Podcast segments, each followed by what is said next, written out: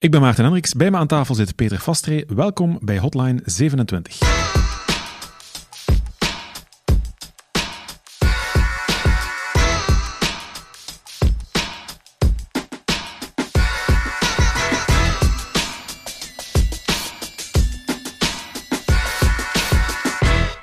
Deze allereerste aflevering van Hotline 27 moeten we uiteraard eerst kennis maken met Level 27. Samen met oprichter en CEO Peter duiken we daarom in de geschiedenis. Peter, vertel eens iets over de geschiedenis van Level 27. En misschien moet ik die vraag beter aan jou stellen, Maarten, want jij bent ook de oprichter van Level 27. Ja, hoe is het mogelijk? Lang, lang geleden. Vertel eens eerst, hoe zit jij begonnen? Want we moeten teruggaan naar het jaar 2003, 2004, schrijft je hier. Ik heb het even opgezocht. Ik ben begonnen in 2004, op 2 februari om precies te zijn. In die jaren werkte ik als consultant bij Segeca. Maar in mijn bijberoep bouwde ik dus websites. En daar had je wel hosting voor nodig, maar echt veel keuze was er toen nog niet. De klassieke leveranciers, gelijk Belgacom, EasyNet, die hadden enkel HTML, statische hosting. Mhm. En dynamische hosting met PHP, dat was ofwel pokkenduur ofwel uit de US. Ja. Maar toch, er was Spinnekop webhosting. Maarten, vertel eens over Spinnekop webhosting. Ja, jammer dat die naam nog eens naar boven komt, want daar heb ik al lang spijt van. Spinnekop. Het klonk goed in 2004, laat ik het zo samenvatten. Um, ja, Spinnekop webhosting was toen mijn eenmans hostingbedrijf. Um, hetzelfde verhaal als bij u, Peter. Dus ik bouwde ook websites en ik had ook hosting nodig.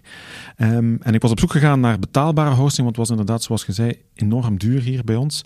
En in de Verenigde Staten was er een bedrijfje dat heette Dynix en daar kon je voor zo'n, denk 20 dollar per maand een soort uh, virtual private server, avant la lettre, want dat was toen nog niet echt zoals het nu is, huren, met daarop cPanel.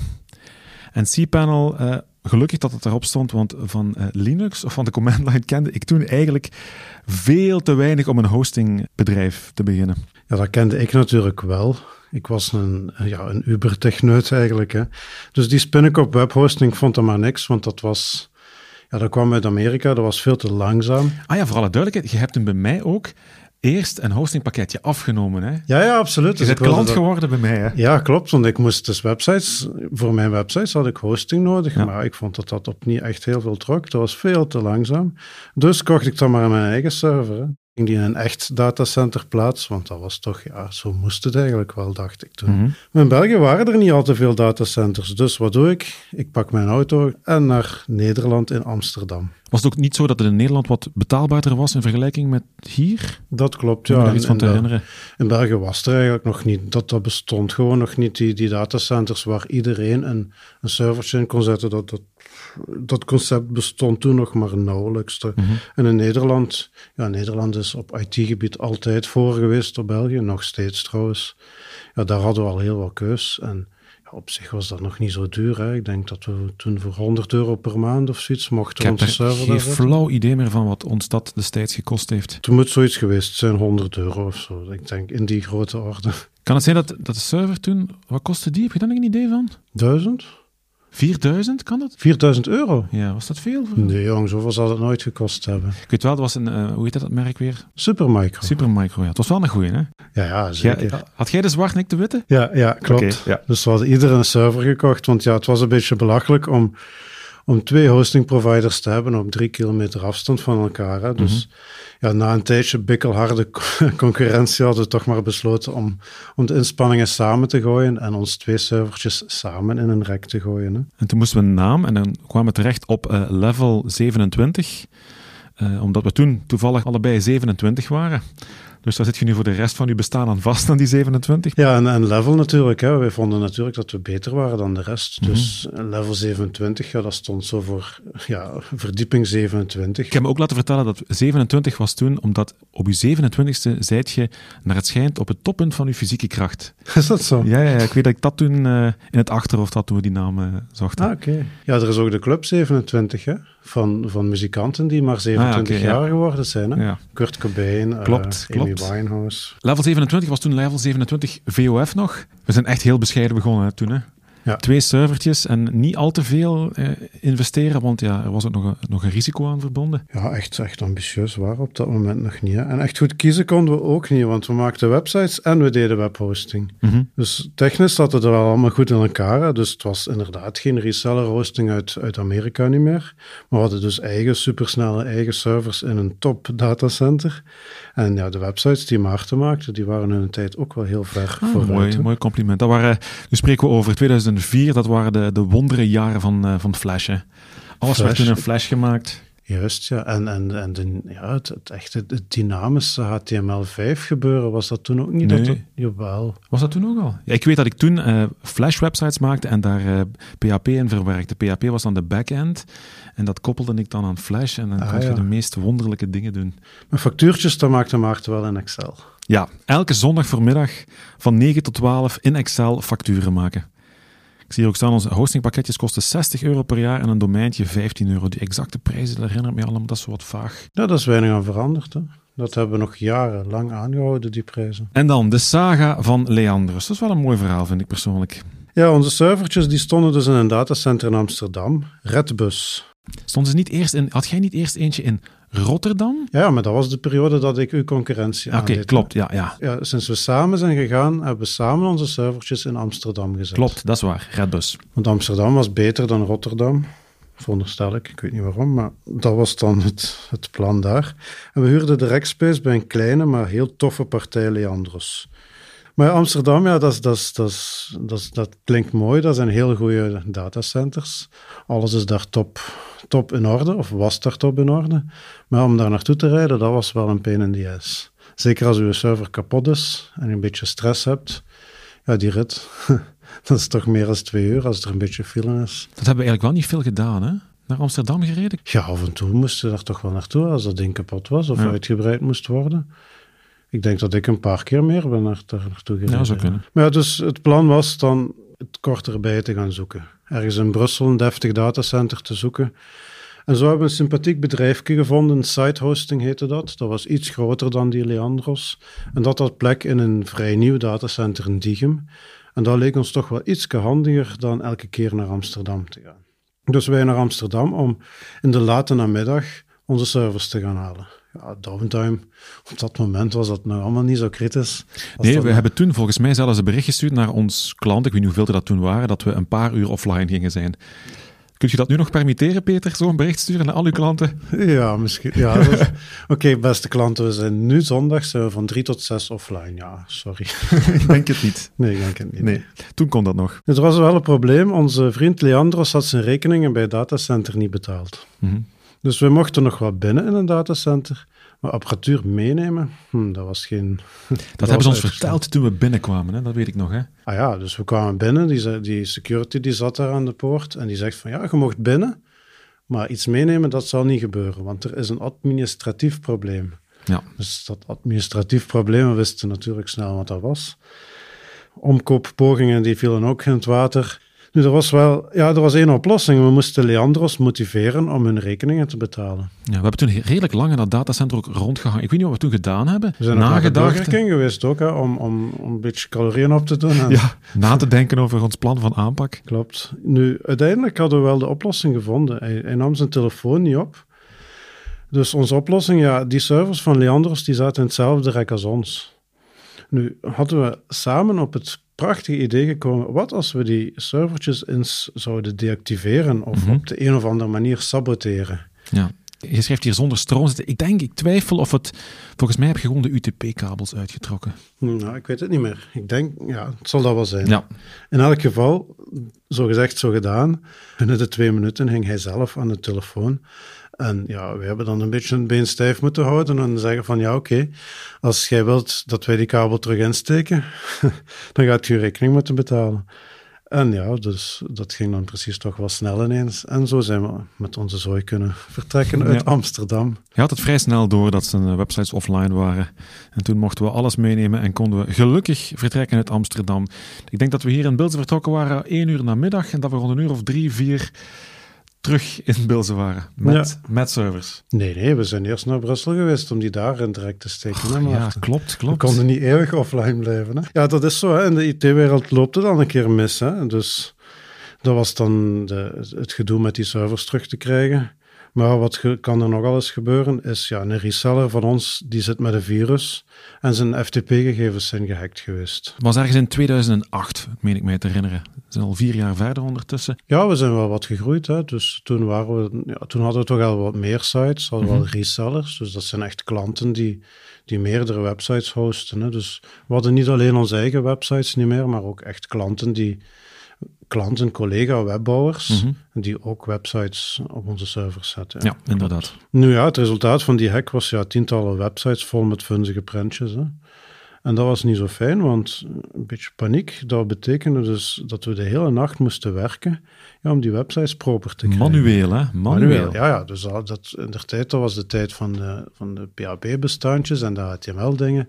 Dus wij moesten al die PHP-bestandjes één voor één open doen en, en de vieze code daaruit halen. Dus we hebben de taken toen verdeeld. Ik weet dat we de hele nacht via Skype contact gehad hebben en afgesproken hebben, jij dit, jij dat, en zo uiteindelijk... Echt leuk was dat niet, hè? Dus ik denk dat het voor Maarten vooral nogal traumatisch geweest is, die nacht. Ja, nee, daarna heb ik toch even zitten nadenken van wat gaan we hier nu mee doen? Want ik, ja, ik was dan... Jij was overdag, je was constant bezig met IT, maar ik gaf ook nog les. Ik, ik sta nog altijd in het onderwijs en toen ook. Um, dus ik moest mijn job als onderwijzer combineren en dan kwam ik s'avonds thuis en dan moest ik voor, voor Level nog websites beginnen bouwen en op zondag factuurtjes maken en zo. En dan kwam daar nog zo'n nacht als dit bij, dat het dus misging en dat we de hele nacht moesten werken. En er was een kleintje gekomen ondertussen, 2008. Ah, dus het was keuzes maken. Dus ofwel onderwijzer blijven, ofwel uh, fulltime met Level 27 aan de slag gaan. Dus heb ik gekozen om onderwijzer te blijven en Level 27 vaarwel te zeggen. Ik ben daarmee de, de Steve Wozniak van Level 27 27 geworden. Uh, die verliet Apple ook in 1983. Met dat verschil dat Steve eh, Wozniak nog altijd aandeelhouder van Apple is. Ja, mensen moeten eerlijk zijn. Uh, op dat moment waren onze aandelen nog niet heel veel waard. Hè. Het, was, het was echt nog maar een klein ja. Dus, inderdaad. dus voor Maarten was het, was het een bijjob buiten het, het lesgeven. Voor mm -hmm. mij was het ook maar, maar een ja, een bijberoep. En daar zat je dan, Peter? Daar zat ik dan, helemaal alleen. Januari 2009 ben ik dan uh, vertrokken. Nu, ik zat er niet helemaal alleen. Ik werd bijgestaan door mijn lief vrouwtje. Hè. Dus ik besloot, of samen besloten we dan toch maar eventjes verder gaan op die manier. Ja, wat moet je doen? Hè? Als je vernoot u verlaat, dan moet het gewoon verder. Ja, je moest verder. Nu, het eerste werk dat ik deed na het vertrek van Maarten was toch wel de facturatie automatiseren ik weet niet hoe lang Maarten ondertussen bezig was met die facturen, maar de eerste keer dat ik facturen moest maken, werd ik al gek. Want dat was, dat was een, het was op zich een heel mooi systeem. Er waren Excel-bestanden. Nee, er was één Excel-bestand. En Eén Excel-document, ja. En daar werd ik dus helemaal gek van, want dat Excel-bestand, dat werd telkens aangepast en dan werd er een pdf opgeslagen. Klopt. Dus dat is, ja, in theoretisch is dat heel mooi, maar als je weet dat elke klant elk jaar opnieuw dezelfde factuur moet krijgen, ja, dat betekent dus elk jaar opnieuw alles. Het was ambachtelijk facturen maken, Peter. Ja, dat was chic. En ja, nu moet ik ook, ja, dat was onze eerste taak eigenlijk. Dus ik, ik heb onmiddellijk gekeken om te programmeren, om een systeem te bouwen dat die facturatie, want dat is echt domeintje per domeintje, mhm. elk jaar opnieuw dezelfde, dezelfde factuur, om dat te automatiseren. Hè. Ja, nu moet ik ook eerlijk toegeven, voor mijn gezinsleven was dat ook niet zo fijn hoor. In feite waren we quasi dag en nacht bezig, hè, voor level 27, maar ook voor mijn eigen. Hè. Dus ik, ik werkte toen nog in Antwerpen bij IBM. Ja, dat was ja, elke dag ook nog eens drie uur in de auto zitten, als het meeviel. Dus ja, een bepaald moment moeten toch keuzes beginnen te maken. Hè? En ja, we zien dat het aantal klanten dat bleef maar groeien. En ik durfde ook geen reclame te maken. En in 2010 had Jeroen Moors van Webbel, die maakte het nog erger. Dus Webbel was ook een hostingbedrijf, dus ook iemand die concurrentie aan ons deed. En die belt mij, die zegt van ja, was ik niet geïnteresseerd om zijn hostingbedrijf ook nog eens over te nemen. Ik dacht, ja, waarom niet? Ja, we Maakt niet uit, daar pakken we het ook nog bij. Maar ja, we zijn toch al dag en nacht bezig, dus ja, waarom niet? Hè? Maar toen was je nog altijd alleen. Hè? Je hebt Webbel overgenomen? Ja, alleen met mijn vrouw natuurlijk. Ja, oké, dus... maar er waren nog geen, geen werknemers of, of andere vernoot. Het was nog alleen Peter en Inge. En Inge. Ja, dat was het. ieder had de helft van de aandelen. Hè? Dan spoelen we door naar 2012. Daar zijn ze, vernoten. De vernoten, ja. Ja, dat bleef dus maar groeien. Hè? En in het kader van beter een klein deeltje van iets groot dan een groot deel van iets klein, ben ik op zoek gegaan naar medevernoten. Want ja, voor, voor mijn vrouw, voor Inge, was dat ook niet meer fijn. We waren eigenlijk altijd maar bezig met het werk. Mhm. En dat was toch niet de bedoeling. En eigenlijk heb ik snel venoten gevonden. Met mijn neef Gijs, daar werkte ik al heel lang mee samen. Die had ook zo'n webbureautje, dus die maakte ook websites, had ook hosting nodig, had ook weer ergens wat servers staan. Timmy was met Mediasoft ook al jarenlang klant. En ja, Thomas, dat was de Uber-techneut, die had Gijs en mij al vaker uit de nood geholpen als, als het netwerk of de switch of de servers midden in de nacht kapot ging.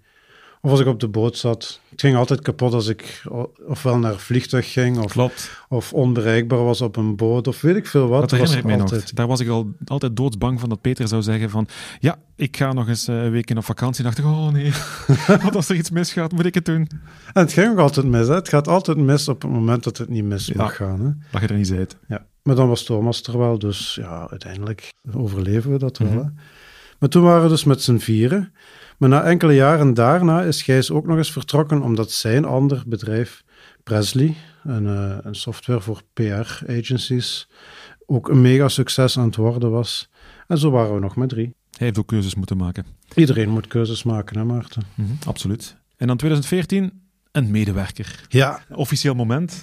ja een echte medewerker nog wel. Hè? Echt Ja. iemand op de loondienst. Nabil, onze eerste, ze noemen dat de gouden medewerker. Hè? De, uw dat eerste. zo, ja? Ja, dat wordt zo genoemd. Ja.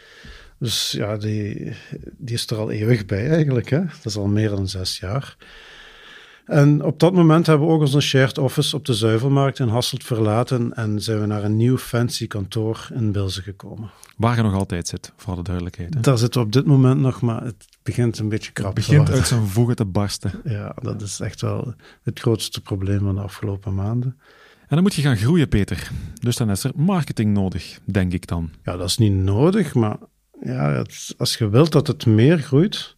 En in 2015 hebben we ook wat ambitie gekregen. Dus we wilden voor de world domination gaan, dus de wereld veroveren natuurlijk. Maar dat gaat niet zonder deftig logo, zonder website, zonder verhaal.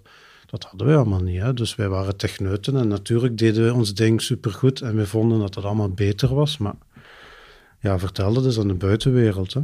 Daar waren we niet zo sterk in hoor. Dus wat hebben we gedaan? We contacteren marketing agency RCA. RCA zit in, Hasselt. En we hebben voor ons een op dat moment waanzinnig bedrag geïnvesteerd in een brandingcampagne. Dus wat deden zij? Ze maakten een logo, een verhaal, foto's, en een website. Social media kwam toen natuurlijk ook op. Dus ja, we zetten onszelf op de kaart. En kudos voor RCA, want die marketing, dat, ja, dat heeft wonderen gedaan. Heeft, heb je dat echt gemerkt dat dat eh, geholpen heeft? Ja, absoluut. Ja. Ik denk dat als ik, als ik ook collega's in onze sector ook vandaag bezig zie, dan denk ik, ja, super hè, wat jullie doen, maar jullie verhaal werkt daaraan en je zou daar nog veel meer mee. En dat is ook niet iets wat je zelf kunt doen. Daar heb je echt een gespecialiseerd bedrijf voor nodig die daar, die daar Ja. iets van kennen, veronderstel ik dan. Ik Ja, zo dat hoor. denk ik wel. Ja. Ja. Ja. Ja. dat is toch wel belangrijk dat, dat iemand met kennis van zaken nu daar adviseert. Je moet daar heel veel zelf aan werken, maar van nul af aan dat zelf gaan doen, nee, nee dat gaat niet marcheren. En dat moet je ook onderhouden, denk ik. Hè? Ja, tuurlijk. Ja. Er moet constant budget, constante inspanning naar marketing gaan. Mhm. In feite wat wij vandaag doen is ook ergens wel. Hoort er ook bij, inderdaad, absoluut. En dan eh, komen er wat grotere klanten aan. Ja, dus dat is wel de bedoeling natuurlijk als men wil groeien. En ja, als men groeit, dan, dan willen we de grotere klanten ook binnenhalen, zullen we zeggen. En ja, als, als uw online aanwezigheid cruciaal is, het vertrouwen geeft je niet zomaar aan iedereen. Dus ergens is het ook nodig dat ons verhaal naar de buitenwereld klopt, maar dat we ook voldoende cases, verhalen hebben van klanten om dat te ondersteunen. En dat begon te gaan. Hè. En een van die klanten op die, een van die echt belangrijke klanten, echt kantelmomenten, is toch wel de AB geweest. De AB Ancien Belgique in Brussel. ja, dus misschien wel de bekendste concertzaal van het land. En voor die is de website echt cruciaal. Vroeger gingen ze daar nog ticketten kopen aan de balie. Maar nu is, ik weet niet, ze hebben mij verteld, 98, zoveel procent van hun ticketverkoop gebeurt online. En op dat moment, 2016, is dus webagency Inventis, die hebben het voor het eerst aangedurfd om ons aan te bevelen voor zo'n job. Dus dat was toch wel een hele stap, één voor hun. Want ja, ze, als, als, als dat misging, dan moesten zij het wel horen. En ja, voor ons ook natuurlijk. Hè. Dus het is toch wel, dat was echt wel een stap vooruit. Dat, dat zo'n instituut ja, ons durfde te vertrouwen. Heb je toen ook nog echt moeten investeren? Of was de infrastructuur die je op dat moment had, was die voldoende om, om zo'n website aan te kunnen? Oh, technisch konden dat al lang aan. Maar het is natuurlijk, in je hoofd moet je dat wel kunnen. En, en ja, de klant moet dat ook geloven. Maar technisch konden dat zeker, ja. En zo zijn er nog gekomen, hè. Dus uh, zo, is, zo is AB er gekomen. Als AB komt, ja, dan komt ook... Uiteindelijk kwam dan Pukkelpop, kwam, kwam dingen gelijk Impermo, Lens Online. Dus dat zijn toch, toch bedrijven waarvoor de online aanwezigheid echt cruciaal is. Ja, en dan denk ik bijvoorbeeld aan Pukkelpop. Dat is nog, nog zeer specifiek in een bepaalde periode. Eind augustus Slaap je dan rustig? Augustus valt mee, want dan is, dan is het festival. Ja. Maar de echte piek voor, voor Pukkelpop, dat is aan de ticketverkoop. Ja. En die, dat was, dat weten wij nog goed, dat was de in februari, het zal 2017, 18 geweest zijn. En ja, de vorige hosting provider die zegt van ja, die van level 27 die gaan dat nooit kunnen. Dat gaat keihard op zijn bek gaan. Ja, wij natuurlijk extra gemotiveerd. Extra gemotiveerd, extra je best gedaan. Ja, alles, alles stond tip-top in orde. En ja, die ticketverkoop, die eerste ticketverkoop was een perfect succes. Hè. En dus... Dat is wat de, de doorbraak geweest, om het, om het zo uit te drukken. Mhm. Gaat het nog altijd zo vooruit op, op die manier? Ja, dat is wel waar. We hebben eigenlijk alle mogelijke groeipijnen meegemaakt. Dus ik heb, ik heb leren delegeren, werk Mhm. afgeven. Ik heb menselijke skills moeten ontwikkelen. Ja, ik was wel een techneut, dus ik heb moeten leren praten met mensen. Ja. Ja, en ons team dat is op een paar jaar tijd van, van twee man en een paardenkop ge- ja, gegaan naar, naar 17 mensen. Hè. Dus dat is toch niet, dat is toch niet niks. Hè. Nee, Om van, en- van zoiets naar ja, zoiets heel klein naar, oké, we zeggen multinational, maar toch eh, qua En groei die is mensen ook allemaal aansturen. Hè? Dat is eigenlijk niet uw oorspronkelijke opleiding. Hè? Nee, absoluut niet. hè. Helemaal niet. Hè. Ik heb nooit iets van management geleerd of, of van, van financiën. En ja, Mhm. dat, dat moet je allemaal leren op die momenten. Hè. Heb je nooit gedacht van, eh, wat ben ik hier nu eigenlijk aan het doen? Het, het gaat te snel? Ja, constant. Maar toch, als, Maar dat als- moet misschien. ja, als, als we dat niet meer denken, ja, dan zijn we in slaap gevallen. Mhm. Dus die, die ambitie die is er altijd, sinds 2015 is die er eigenlijk altijd geweest. En die zal er ook nog wel eventjes zijn hoor. Mhm. In 2019 zijn we ook genomineerd voor de Deloitte Fast 50, dus de, de 50 snelst groeiende IT-bedrijven in België. Dus ja, dat is toch wel een, een erkenning voor, voor uw groei. Hè. Op dat moment groeiden wij 50% per jaar. Nog steeds trouwens, dus dat, ja, dat, is, dat is toch niet niks. Nee. En ook die overwinning, of ja, we werden in, winnaar in de categorie. In de categorie netwerk of Mhm. communicatie waren wij zelfs het, het snelst groeiende bedrijf van België in 2019. En ook dat weer, dat zorgt weer opnieuw voor een boost. Hè? Dus dan gaat je weer opnieuw meer klanten aantrekken, gaat je weer meer klanten hebben die, die u dat vertrouwen geven. Hè? En je hebt ook meer personeel nodig natuurlijk. En dan wordt dat, de, de ruimte hier veel te klein, veronderstel ik dan. Ja, dat klopt. Hè. Dus dat, is- dat, is, dat is een fysieke groeipijn. Hè. Nu met heel die coronatoestanden en dat thuiswerken, ja, dan gaat dat nog wel. Hè. Dus dat, maar het is echt te klein. Dus de meest dringende to-do nu, dat is verhuizen. Dat had je waarschijnlijk niet, niet gepland op die manier, hè, dat het zo snel zou gaan. Hè? Nee, want eh, twee, twee jaar geleden hadden we onze bovenverdieping hier klaargemaakt in Mhm. Bilzen. Met het idee van, ja, daar kunnen tien mensen zitten. Oh, daar kunnen we zeker een paar jaar mee toe. Ja, het zal wel, ja, maar... Je moet wel goed overweg kunnen met onzekerheid. Dat was ook een van de problemen die ik had.